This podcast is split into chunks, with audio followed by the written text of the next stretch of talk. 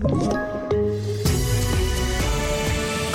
Här är TV4-nyheterna som börjar med att Zlatan Ibrahimovic är tillbaka i det svenska fotbollslandslaget efter fem år. Det meddelades idag när VM-kvaltruppen presenterades som Zlatan är med i.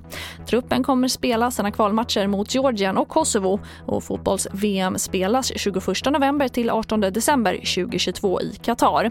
Och mer av vilka som är uttagna till VM-truppen kan du se på tv4.se där Olof Lund från Fotbollskanalen är med och kommenterar.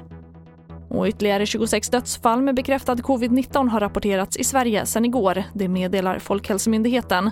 Och därmed har totalt 13 172 smittade avlidit i landet.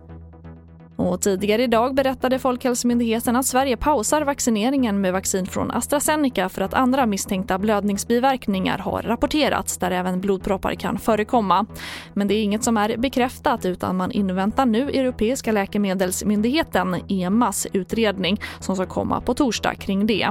Och det handlar alltså om ett tiotal fall som rapporterats bland alla miljoner människor som är vaccinerade i hela Europa. Det säger statsepidemiolog Anders Tegnell.